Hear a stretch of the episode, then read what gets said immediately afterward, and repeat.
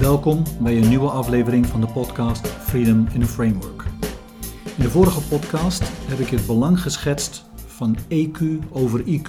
Het belang van EQ om als leider echt het hele proces van mobiliseren van ownership en commitment bij je medewerkers aan de gang te brengen. Zoals ik daarin schetste, in dat EQ-belang betekent vooral dat je in de dynamiek van de dagelijkse complexiteit uh, tussen mensen het gesprek zodanig aan de gang weet te houden dat mensen verbonden blijven. Dat mensen mee willen doen. Dat mensen mee willen blijven doen. En dat mensen daadwerkelijk zich ook eigenaar voelen doordat ze een bijdrage hebben kunnen leveren. Zoals ik toen ook al aangaf, is het essentiële begrip daarvoor in wezen datgene wat we alle dagen met elkaar doen als we elkaar ontmoeten in een organisatie. Trouwens op nog veel meer plekken, maar zeker in een organisatie. En dat is dat we met elkaar een discussie voeren. Het lijkt zo simpel, het voeren van een discussie. Maar laat me je om te beginnen een voorbeeld geven wat ik heb meegemaakt met een raad van commissarissen die met elkaar een discussie voeren. Ik was daar zelf aanwezig, uh, eigenlijk als een getuige. Ik was geen deelnemer aan het gesprek. Uh, ik gaf meer wat inhoudelijke input in het gesprek maar was geen onderdeel van de discussie die plaatsvond. Dus ik nam dit waar. En wat ik zag gebeuren is dat tussen de bestuurder en leden van de Raad van Commissarissen inderdaad, wat zij naderhand noemden, een discussie plaatsvond. Maar in wezen wat er plaatsvond, was een enorme, agressieve, luidkeelse uiting van hun standpunten. Ja, maar, ja, maar, was in wezen datgene wat elke keer weer aan het begin van de zin gezegd werd. En wat je ook zag gebeuren is dat als iemand ging praten, ging spreken om zijn eigen standpunt op tafel te leggen, dat eigenlijk halverwege, maximum halverwege de eerste zin uh, die werd uitgesproken, de anderen al bezig waren om zichzelf in stelling te brengen en zichzelf volledig klaar te maken om hun standpunt er boven overheen te zetten of beter nog, er volledig tegenin te brengen. En in wezen, wat ik continu zag gebeuren daar gedurende uh, het hele gesprek, als je het een gesprek zou willen noemen, is dat iedereen bezig was om te proberen elkaar van het eigen standpunt te overtuigen. De bedoeling van het onderwerp is dat het een kwartiertje zou duren. De werkelijkheid is dat na drie kwartier besloten werd om er nu een punt achter te zetten en dan zouden we verder wel zien. Punt. En naderhand kreeg ik een e-mail toegestuurd van de directeur van het bedrijf die zei: Oh, dat was een goed gesprek wat we hadden. En ik dacht bij mezelf: Man, dat was een verschrikkelijk gesprek wat er plaatsvond. Want het was voor mij volstrekt duidelijk dat geen van de aanwezigen eenzelfde noemer had gevonden als het ging over dit voor het bedrijf verschrikkelijk belangrijke onderwerp. Als ik kijk naar wat een discussie voor mij echt inhoudt, als het gaat om mobiliseren van ownership en commitment, als het gaat om het wezenlijk meenemen van mensen en echte energie van de mensen met je meekrijgen, dan ga ik je even een volle definitie geven.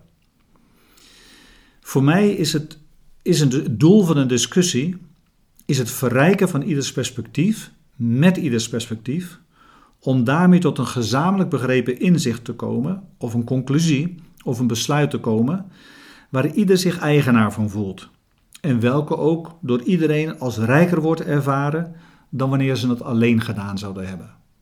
Nou, je kunt wellicht wel even horen dat ik deze definitie voorlees. Het is ook een hele mond vol inderdaad.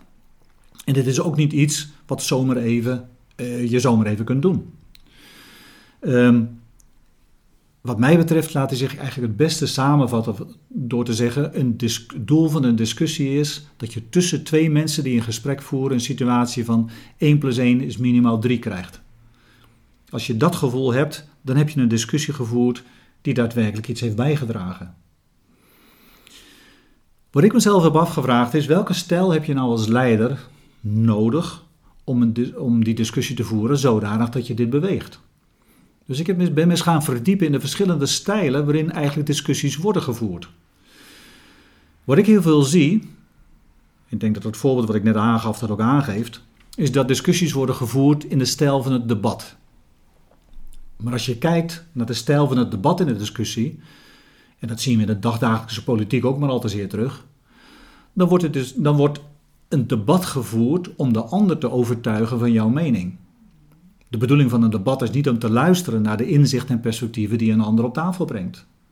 De bedoeling van een debat is dat de ander naar jou gaat luisteren en namelijk dat ik gelijk heb en jij ongelijk hebt, dat dat de uitkomst is. Dus de bedoeling van een debat is eigenlijk 1 plus 1 is maximaal 1. That's it.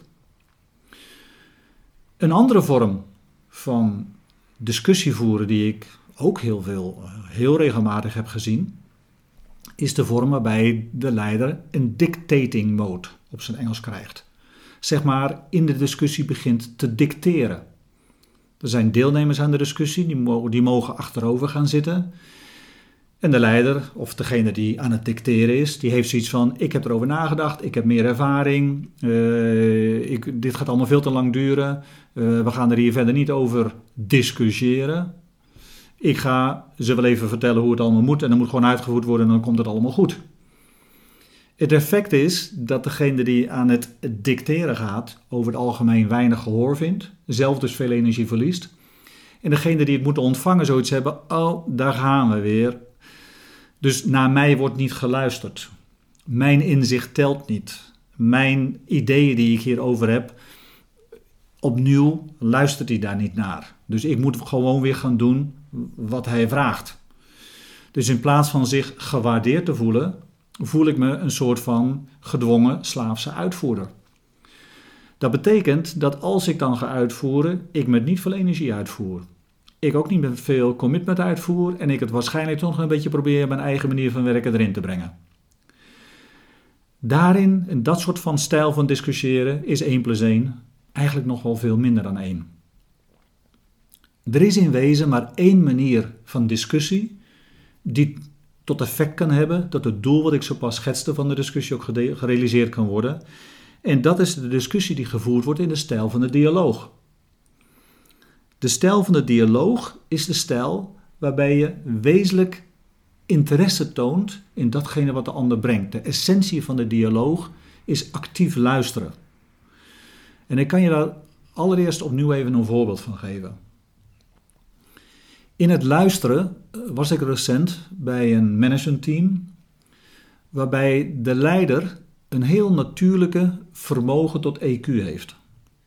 In ieder geval, dat is zoals ik het ervaar. En wat ik zag gebeuren, ze hadden een zeer complex onderwerp te pakken, waarbij het ging over het, de initiële fase van, um, van de strategie, uitvoering, waarbij ze veel analyse hadden gedaan die nu overgezet moest worden naar de daadwerkelijke implementatie van de strategie. En dat betekent dat ze in die fase um, stappen en fases tegen, in die fase situaties tegen zouden gaan komen, waarbij ongetwijfeld bij henzelf nieuwe inzichten zouden ontstaan, voortschrijdende inzichten zouden ontstaan. En ongetwijfeld ook bij hun medewerkers die al betrokken waren geweest bij het vormgeven van de, deze strategie, ook nieuwe inzichten zouden ontstaan maar zeer waarschijnlijk ook weerstanden tegen vormen van implementatie, zeker als ze oude manieren van werken achter zich zouden moeten gaan laten. En het betekende dat toen we het gesprek gingen voeren van hoe gaan we dit dan doen, dat we dat in de stijl van de dialoog hebben gedaan. En in die stijl van de dialoog was het de directeur die als eerste aan zijn mensen ging vragen: Hoe is het voor jullie? Wat gaan jullie verwachten? Wat denken jullie tegen te gaan komen? Waar denk je dat we het, een solide proces van invoering conform onze, conform onze ideeën kunnen gaan voeren. Waar denk je dat we weerstanden tegen gaan komen? Wat zijn de eerste prioriteiten waarin je verwacht dat we dat geld kunnen gaan genereren, zodat we andere zaken die geld kosten makkelijker kunnen gaan implementeren? Kortom, hij is zowel aan het vragen geweest naar zakelijke dimensies van invoering, als ook aan het vragen geweest, aan het onderzoeken geweest, welke relationele dimensies van, in, van de invoering er naar voren kwamen, die wellicht aarzelingen zouden opleveren. In dat gesprek had hij, en dat heeft hij vrij algemeen, een heel belangrijk motto. En dat motto is slow down to speed up. En dat karakteriseert ook de kwaliteit die een goede dialoog in de discussie kan brengen.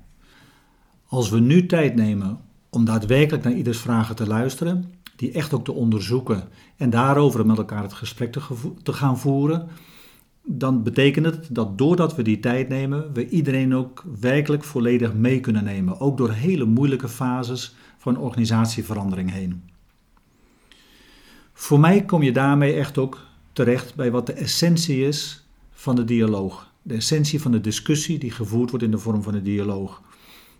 Op zijn Engels is dat gezegd a mutual appreciative curiosity. Met andere woorden, dat je wederzijds werkelijk in elkaar geïnteresseerd bent en dan werkelijk elkaar ook waardeert voor het perspectief wat je brengt. En dat doe je door heel actief op zoek te gaan naar de perceptie en de ideeën en gedachten van de ander. En dat doe je door elke keer weer dieper door te vragen. We zeggen wel eens het vijf keer waarom te vragen, het dieper doorvragen, zodat je echt de ander begrijpt. Dat doe je ook doordat je zelf in het gesprek jouw mening parkeert. Een van de moeilijkste dingen die er is. Maar als ik mijn mening niet parkeer, blijft het hebben van mijn mening elke keer ertussen zitten om echt te kunnen luisteren naar de ander. En als ik mijn mening wel kan parkeren, dan kan ik open raken. Dat betekent ook dat ik ervoor zorg dat ik echt op actieve wijze de ander ook echt begrijp. Dus ik ga ook in die zin doorvragen. Het betekent niet dat ik automatisch met de ander eens zou moeten zijn. Want het kan wel degelijk zijn dat er sommige dingen ik onmiddellijk kan ontvangen en onmiddellijk op kan voortbouwen. Maar er zijn andere dingen waarvan ik in eerste instantie absoluut een weerstand voel. En die weerstand is helemaal prima. Want dat is het begin weer van de healthy friction. Dat is het begin van, hé, hey, dit is jouw perspectief, hier is mijn perspectief. Die komen niet bij elkaar. Laten we gaan onderzoeken hoe dat kan. En het kan zijn dat daar zelfs een hele stevige interactie voor nodig is om dat echt helemaal uit te onderzoeken. En dan komen we in wat ik in een latere podcast ook zal gaan noemen, de confrontatie. Uiteindelijk, voor mij als leider, is het belangrijk dat ik dit proces, deze vorm van gesprekken met elkaar, goed in beheer heb. Met andere woorden, dat ik een dialoog kan voeren ehm, in plaats van dat ik naar het debat toe ga. Dat ik een dialoog kan voeren in plaats van dat ik ga dicteren. Met andere woorden, dat ik een discussie in de vorm van een dialoog kan voeren. Laat me bij wijze van afronding nog één keer de definitie geven van wat echt een dialoog is. Een dialoog is het verrijken van ieders perspectief met ieders perspectief, om daarmee tot een gezamenlijk begrepen inzicht, conclusie of besluit te komen, waar ieder zich eigenaar van voelt en welke ook door een ieder als rijker wordt ervaren dan wanneer ze dat alleen gedaan zouden hebben. Volgende podcast hoop ik door te gaan op wat de innerlijke weerstanden zijn in zowel de leider, maar ook de deelnemers aan de dialoog, om hiervoor echt open te staan en hoe je kunt omgaan met deze weerstanden. Dankjewel voor nu.